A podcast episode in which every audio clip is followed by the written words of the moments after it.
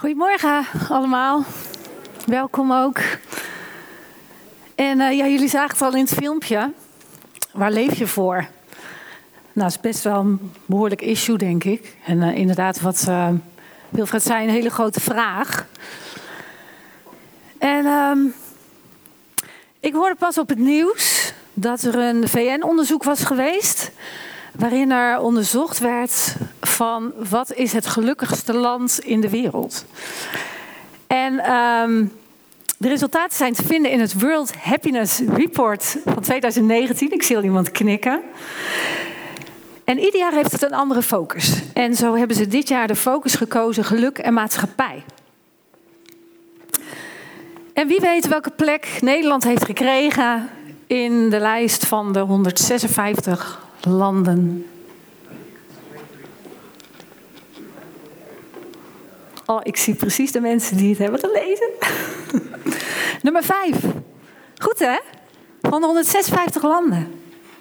En nummer 1 was Finland. Dus als je denkt van ik wil het nog beter hebben dan dat ik het nu heb, dan kun je even het hoger opzoeken. Maar ze hebben gezien dat de gelukkigste landen uitblinken in veerkracht en het vermogen aan slechte dingen te verwerken. En als ik denk aan Nederland en hoe verwerken wij slechte dingen, dan denk ik dat wij heel goed zijn in klappen opvangen, in de economie. We weten altijd alles best wel goed te beperken. Weet je, we schuiven met wat tonnetjes en het komt wel weer goed. We hebben ook hele goede zorgstelsels en wetjes en regeltjes. En we kunnen echt alles gewoon puur vanuit die regeltjes zo leiden dat we safe zitten. Ik denk dat wij echt wel alles goed voor elkaar hebben in Nederland. Dus je mag best wel trots zijn hoor, op dat we op de vijfde plaats staan. Maar is dit daadwerkelijk de kern van ons geluk? Ik heb ook even niet zoveel geluk, denk ik.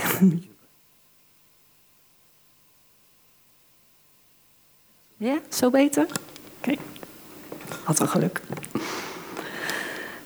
Is dit daadwerkelijk de kern van ons geluk? Als we het in deze dingen zoeken. Kunnen we het geluk bepalen door in te zoomen op bepaalde facetten van ons leven, waardoor we allemaal geluk ervaren? Is dit het waar het om draait? Of kijken we hier eigenlijk puur naar de facilitaire welvaart en geluksbeleving? En vergeten we dat we misschien wel het land zijn met de grootste geestelijke armoede? En dit is de grootste vraag. Waar leef je voor? En waar leven we ook in Nederland voor? En af en toe mag je zo'n momentje pakken. Dan mag je eens even kijken. Dan mag je eens even terugkijken naar je leven. Tot uh, zover als je nu gekomen bent. Van wat heb ik allemaal gedaan? En waar heeft het toe geleid? Wat is mijn drive? Wat beweegt mij om te doen wat ik doe? En waarvoor? Waarvoor doe ik de dingen die ik doe? En is mooi om gewoon af en toe eens eventjes een beetje op jezelf te reflecteren. Want het kan heel zinvol zijn, ook voor het stuk wat nog komt. En dan vragen we ons af, is er iets wat groter is? Is het geluk alleen maar te krijgen door onze omstandigheden? Of is er iets wat groter is? Iets wat, wat God heet. Wat jou helpt om zelfstandig door dit leven te gaan. En om te functioneren zoals jij bedoeld bent. En als je nog niet zoveel met geloof bent bezig geweest en deze vraag nog heel nieuw voor je is, dan neem ik je graag mee vandaag met deze vraag. Want God heeft een doel met ons leven. We geloven dat we gemaakt zijn met een bedoeling hier op aarde. En om dat te gaan ontdekken, kom je eerst bij een andere vraag uit. En dat is: waarom ben ik hier eigenlijk op aarde gezet? Nou, als je achter een, een doel van een uitvinding wil komen, dan is het altijd belangrijk om even naar de uitvinder terug te gaan. Zo ook als je een mooi schilderij bekijkt, of een lelijk schilderij, dan wil je weten van, maar waarom is dit schilderij gemaakt? Met welke bedoeling heeft de schilder dit schilderij gemaakt? En wat is de gedachtegang achter zijn verhaal? En de zoektocht van jouw bestaan kan beginnen bij jouw maker, God. We zijn allemaal geschapen door God en die had een plan. Je was niet toevallig hier op aarde. Je bent geen ongelukje. Ook al ben je misschien niet gepland, je bent hier wel bedoeld. Je bent echt uitgedacht tot in de kleinste details. Je haren, je gezicht, je ogen, je mimiek, je karakter, je ras, je kleur. Echt wel, alles is tot in de kleinste details helemaal bedacht door God, jouw maker. Ook met je potenties die je kan uitbreiden. En hij heeft alles gegeven aan jou om te beheren. Wij mogen alles wat we hebben gekregen, mogen wij beheren. En daar mogen we voor zorg dragen en dat mogen we ook gaan gebruiken en, en inzetten. Om hem te dienen en hem groot te maken. En hij heeft jou echt bedoeld om ook te zorgen dat jij zijn liefde kan weerspiegelen. Want God is liefde. We geloven echt dat God weet ja, dat je een beter leven hebt met Hem. En als God in jou kan leven en je kan Hem accepteren, dan betekent dat echt een gelukkiger leven. En als we kijken in de Bijbel, dan komen we ook verhalen tegen waarin deze vragen ook beantwoord worden. En dan komen we bij de apostel Paulus. Een apostel is een man die de wereld over reisde om Gods verhaal te gaan vertellen. En hij stichtte kerken, hij uh, bracht mensen tot geloof, hij bemoedigde mensen, hij hielp mensen om te gaan geloven. En hij kon ook heel veel mooie dingen uitleggen. En zo legt hij uit, de vraag waar wij het vandaag over hebben, legt hij uit aan de hand van een mooie Bijbeltekst. En dat gaat over een breekbare kruik. En dan komen we aan in 2 Corinthians 4, vers 7. Het goede nieuws is een kostbare schat. En ik ben de breekbare kruik waar de schat in bewaard wordt. En dat is goed, want daardoor is het duidelijk dat de enorme kracht van het goede nieuws niet van mij komt, maar van God. En als we deze tekst gaan uitleggen, dan zien we dat God dus in ons leeft. Hij geeft ons kracht. En wij mogen deze kracht en deze liefde gaan weerspiegelen. Dus we hebben eigenlijk drie dingen. We hebben een breekbare kruik en dat, dat mag je zien als mijn, mijn lichaam, mijn leven is een, een breekbare kruik. Want die loopt schade op soms. Er komen bulten, uh, scheuren, uh, blauwe plekken. hij kan barsten. Maar wij zijn heel belangrijk, want wij zijn de bescherming van die schat. En onze opdracht is om die schat juist zichtbaar te maken. En dat kan alleen als die kruik af en toe stuk gaat. En het is misschien heel dubbel. Dus één, de breekbare kruik. Twee, de kostbare schat. En de kracht die vrijkomt als jij je leven laat leiden door, door Jezus. Want hij loodst jou ook met die kracht door het leven heen. Als jij al die bulten en scheuren oploopt, dan word je ook geholpen door die kracht. En dat is het doel van jouw leven, om die kracht zichtbaar te maken. En dat is heel dubbel, want als er geen scheuren zitten in de kruik, dan kan die schat ook niet zichtbaar worden. Dus hoe meer breuken, hoe zichtbaarder die kruik. Nou, dat is toch een mooie bemoediging, hè? Nee, de schat is in jou. En we mogen dus eerst gaan beseffen dat wij broos zijn, dat wij breekbaar zijn. En we weten ook dat we hier ook hè, op deze aarde, we ontkomen er allemaal niet aan. Als je gelovig bent, maar ook als je niet gelovig bent. Want ons kom je er niet aan dat het leven soms tegen Maar je mag altijd weten dat er dus iemand bij jou is en in jou is. Die jou helpt, die jou door dit leven loodst. En die jou als een stabiele factor met liefde wil begeleiden. En omdat in het volgende filmpje wil ik dat even ja, laten zien. Hoe een vader zijn zoontje helpt om groot te laten worden en moet leren loslaten.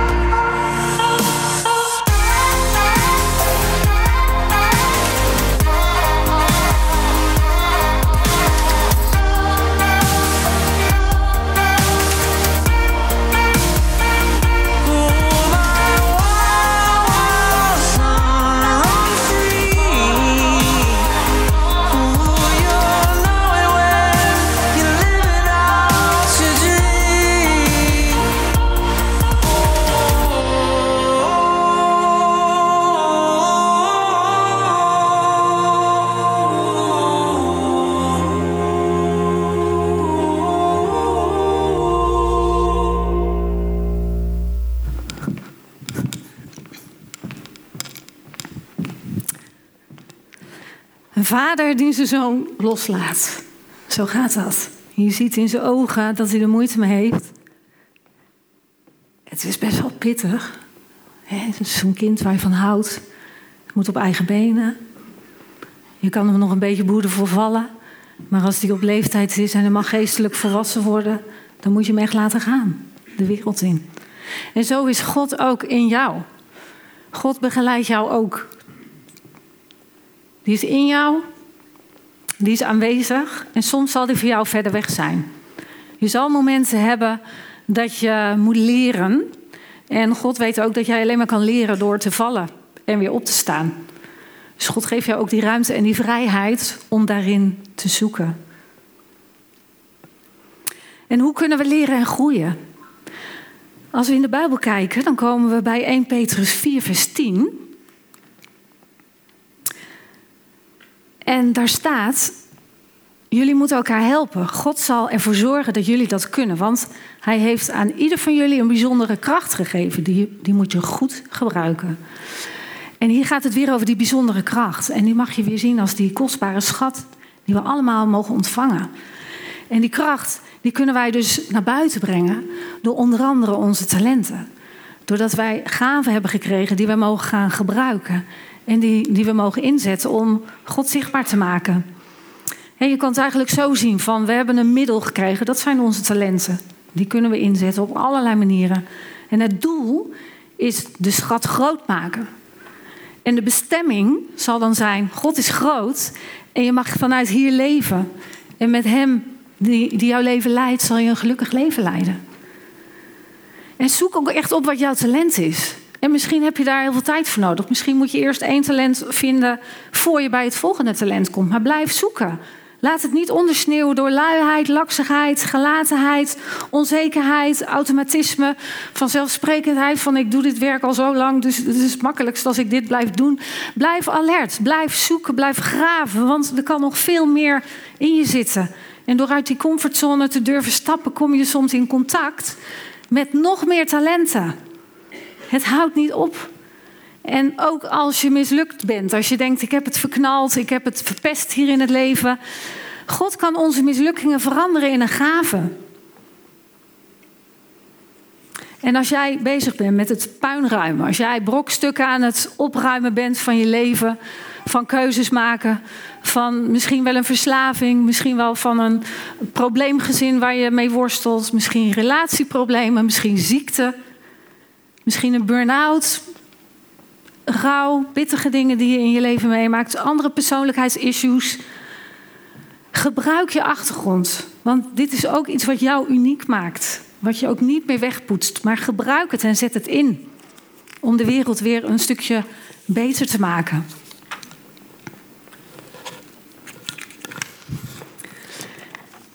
En ja, wat geef je dan aandacht? Waar focus jij je op? Want als je met die schat wil leven en als je kiest van ja, ik ontvang hem, ik wil hem mijn leven laten leiden, dan hoort daar ook een mooie houding bij. En dat kan ook misschien wel je leven veranderen. Dat je, dat je denkt van, maar ik, ik kan ook op een andere manier in het leven staan. Waardoor je een andere focus krijgt, een ander perspectief vanuit die bestemming. Maar we mogen ons ook bewust zijn van dat er dingen zijn die met ons aan de loop gaan. Want we weten allemaal wel dat er veel dingen zijn die aandacht vragen. Dat er ook veel verleidingen langskomen. Dat er veel verlangens langskomen. Dat je misleid gaat worden. En dat we in het leven ook een gevecht hebben tussen, tussen goed en kwaad. Tussen licht en duister. En probeert altijd, het duister probeert altijd jou van het licht af te krijgen. En iets wat je te veel aandacht geeft, zorgt ervoor dat je God minder lief hebt dat God minder aandacht krijgt. En dat kan ervoor zorgen dat je je hele handelen en je denken daardoor laat beïnvloeden. En het gaat je overnemen, het krijgt macht over je. Dus blijf scherp en kies bewust. Want die schat, die moet beschermd blijven.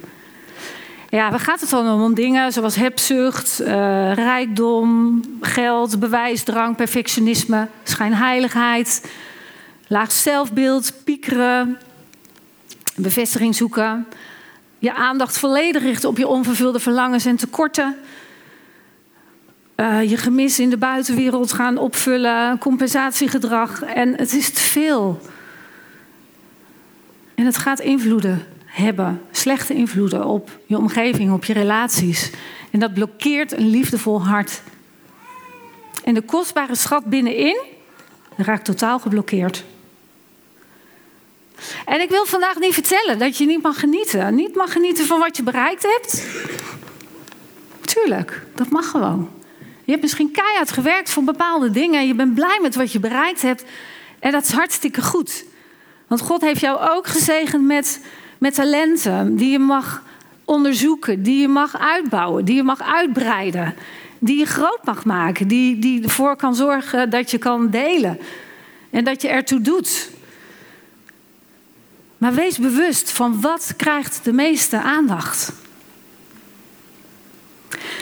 Ik heb het voorrecht gehad dat ik in een aantal arme landen ben geweest. Ik heb diepe armoede gezien. Maar dat heeft, als het gaat om focus en aandacht, dan hebben die momenten mij wel een nieuwe wereld laten zien. En die hebben mij gevormd. En wat ik daar zag, dat was blijdschap. Plezier enthousiasme, liefde. Ze vertelde me daar dat, dat ze iedere dag bij de buren langs gaan om te kijken hoe gaat het, kan ik nog wat voor je doen? In deze barre omstandigheden was er zoveel lol en, en iedereen hielp elkaar. Er was veel verbondenheid. Ik heb nog nooit mensen zo hard horen zingen als in kerken in Sloppenwijken. Als ik kinderen daar hoorde zingen, dan dacht ik echt, ik ben in de hemel. Want die, die zingen zo geweldig, vol overgave. Echt, ik, ik kon bijna niet eh, blijven staan. Ik werd omvergezongen.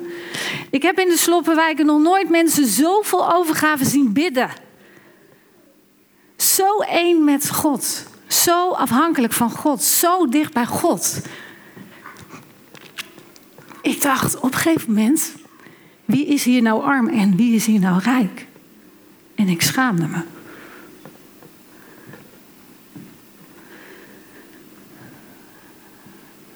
Wij in Nederland leven in geestelijke armoede. En dat is de welvaartsziekte van ons land. Ook al zijn wij nummer vijf op de lijst van gelukkigste landen. Er is te veel wat ons afleidt. Er is te veel wat aandacht vraagt. Zodat je niet kan laten zien dat je Jezus Christus in jou hebt en lief hebt. En die jou blij maakt en gelukkig maakt. En dat je dat ook overal kan laten zien. Weet je, ik, het was nu lekker weer gisteren en dan uh, op straat hè, zie je van alles. Uh, waaronder ook heel veel motorrijders, die gaan lekker toeren, die, die poetsen hun motortjes op en, en die gaan lekker uh, de, de, de weg op. En dan zie je altijd als motorrijders elkaar tegenkomen, dan is het altijd zwaaien. Dan zwaaien ze altijd naar elkaar. En, um, en zo ook als je, als je um, van stoere auto's houdt. Of je hebt een, een, een, stoere snelle bak en je staat voor het stoplicht naast zo'n auto. Dan ken je vast wel dat moment van even opzij kijken voordat het groen wordt. Even dat moment, weet je wel. En die blik in die ogen, die zegt iets van wauw, zie mij hier met mijn schat. En ik ga nu tegen jou, met jouw schat, ga ik lekker even vechten. En als ik aan het hardlopen ben en ik kom iemand anders tegen die ook hardloopt, dan zeggen we altijd gedag en dan zwaaien we. En dan hebben we een gemene deler. We hebben een gemeenschappelijk doel, maar ook een gemeenschappelijke schat. En als je een schat hebt, dan wil je die laten zien. Want dat wil je niet voor jezelf houden, want daar ben je trots op. En doe jij dat ook met de schat van God in jou? Op welke manier laat jij deze waarde ook zo graag zien? Want als je die waarde beseft, dan gaat je focus en je aandacht veranderen. En om te kijken wat nou de meerwaarde van die schat is, kijken we weer even in de Bijbel, in het verhaal van 2 Corinthians 4, vers 18. Maar dan moeten we niet letten op de zichtbare dingen, maar op de onzichtbare dingen. Want de zichtbare dingen zijn tijdelijk, maar de onzichtbare dingen zijn eeuwig. Het gaat hier om de kostbare schat. En ook die is soms onzichtbaar, hè? want soms ervaar je helemaal niet van God is bij mij of hij helpt mij of hij is er voor mij. Hij is soms niet voelbaar, ook al is hij er constant. Nou, om te laten zien hoe het zit met onzichtbare en zichtbare, laat ik jullie een filmpje zien. Um, het is een, uh, een filmpje van John Piper, een Amerikaanse predikant, en die vertelt twee voorvallen Waarbij hij zich afvraagt van wat is er erger? Wat is een tragedie? Het eerste voorvalletje vertel ik en de tweede situatieschets die laat, laat ik jullie zien. Hij vertelt een verhaal van twee vrouwen die zaten daar bij hem in de gemeente, in de kerk. En deze vrouwen die waren op leeftijd, die waren in de tachtig en die waren allebei verpleegkundigen. Ze waren hun hele leven single geweest.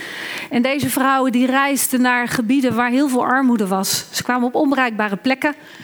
En ze verzorgden daar de armen en de zieken. En hun hoofddoel was Gods leven, Gods liefde delen. En dan komt nu het tweede deel van het verhaal.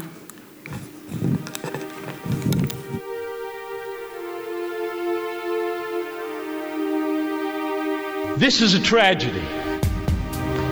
Title of the article Start Now, Retire Early, February 1998.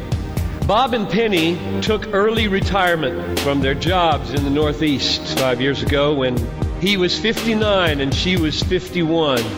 Now they live in Punta Gorda, Florida, where they cruise on their 30 foot trawler play softball and collect shells. That's a tragedy. And there are people in this country that are spending billions of dollars to get you to buy it.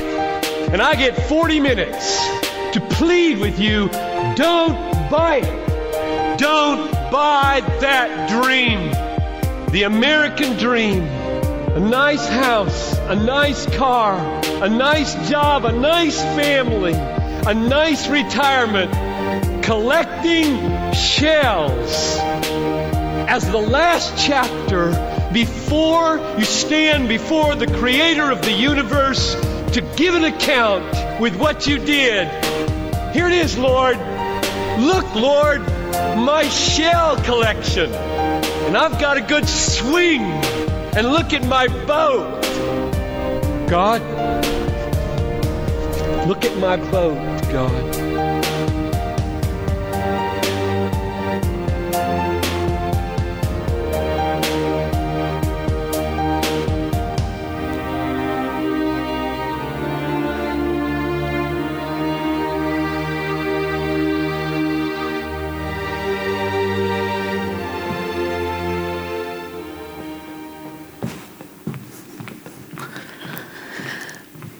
Stel uit het eerste filmpje overleed door een ongeluk, plotsklaps. In één keer waren ze er niet meer.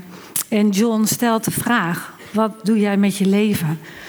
En verkwist je leven niet. Doe wat met je dingen die je doet. Niet voor jezelf, maar voor een groter doel. Want God zal voordat je de hemel binnen gaat twee vragen stellen. Eén, wat heb je gedaan met mijn zoon Jezus Christus? Heb je hem aanvaard? En twee, wat heb je gedaan met alles wat je van mij gekregen hebt? Je talenten, je relaties, je, mogelijkheden, je energie. Heb je ze gebruikt voor zelfverrijking of heb je ze ook gebruikt voor de doelen waar God je gemaakt, voor gemaakt heeft? En soms is het heel abstract en de onzichtbare dingen kunnen zo abstract zijn. Nog even om met een, een voorbeeld uh, het, het concreet te maken. Um, een voorbeeld over mijn vader. Ik, ik, had toestemming gevraagd om het te vertellen en het mocht. Um, mijn vader is 82, 81 en hij is dement aan het worden. Maar af en toe heb ik gewoon hele leuke gesprekken. En drie weken geleden had ik een gesprek met hem. Hij vertelde van alles over zijn leven, over zijn werk, want dat vindt hij nog heel leuk om te vertellen en daar weet hij nog heel veel van. En hij vertelde van ja, ik was altijd zo blij. Hij is boomkweker. En hij ging af en toe drie dagen op reis. Dan ging hij het land in. En dan ging hij met een aanhangwagen met plantjes. Ging hij plantjes verkopen en brengen. Maar dan zat hij daar heel vaak aan de keukentafel. Bij gezinnen van boomkwekers. Hij zat daar te praten. Levens te delen. Hij hoorde daar van alles. Mooie dingen, superleuke, blije dingen. Ook hele verdrietige en moeilijke dingen. En als mijn vader dan na drie dagen thuis kwam, zat hij aan tafel te praten. Want hij had zoveel meegemaakt, hij had zoveel verhalen. En hij kon ze niet voor zichzelf houden. En met dikke tranen in zijn ogen zat hij dan te vertellen over wat hij, wat hij gedeeld had en wat hij gehoord had. Ik voelde al wel van, hmm, dit heeft niks meer met plantjes te maken volgens mij. En ik dacht, dit is het onzichtbare. Hier gaat het om. En mijn vader die had de gave gekregen ook van luisteren. Het plantjes verkopen was een middel. En hij kon in zijn bestemming komen door oprechte aandacht, oprechte liefde, een oprecht oor. En de mensen konden hun hart even bij me kwijt. Hoe gaaf is dat? Mensen voelden zich gezien. En mijn vader, weet je, zijn lichaam takelt af. Maar die, die schat, die wordt zichtbaar. En hoe gaaf is dat? Dat je straks voor Gods troon staat en je kan laten zien, weet je, dit waren de dingen van eeuwigheidswaarde. En daar gaat het om in het leven. Dat geeft glans, dat geeft voldoening, dat geeft echte zin. En jij, voor wie leef jij? Heb je ook een schelpenverzameling? Of wat staat daar aan symbool? Wat is jouw schelpenverzameling? God wil graag in jou wonen. Hij biedt zich aan. Gewoon gratis. Met Pasen, met Goede Vrijdag weten we wat we vieren. God is, Jezus is voor ons gestorven. Jezus moest ook eerst breken om zichtbaar te worden voor iedereen en om ons te redden. Ontvang jij Hem? Ontvang je Hem vandaag? En we gaan nu een lied zingen. En ik wil je vragen om eens een keer niet te gaan staan, maar lekker te blijven zitten. En dat je ook echt even je openstelt. Ook voor de vraag van deze schat. Laat binnenkomen wat God ook vandaag tot jullie heeft gesproken. En de uitnodiging bij je neerlegt. En laat het verhaal en de vraag bezinken. Stel je hart open en ontvang. I surrender.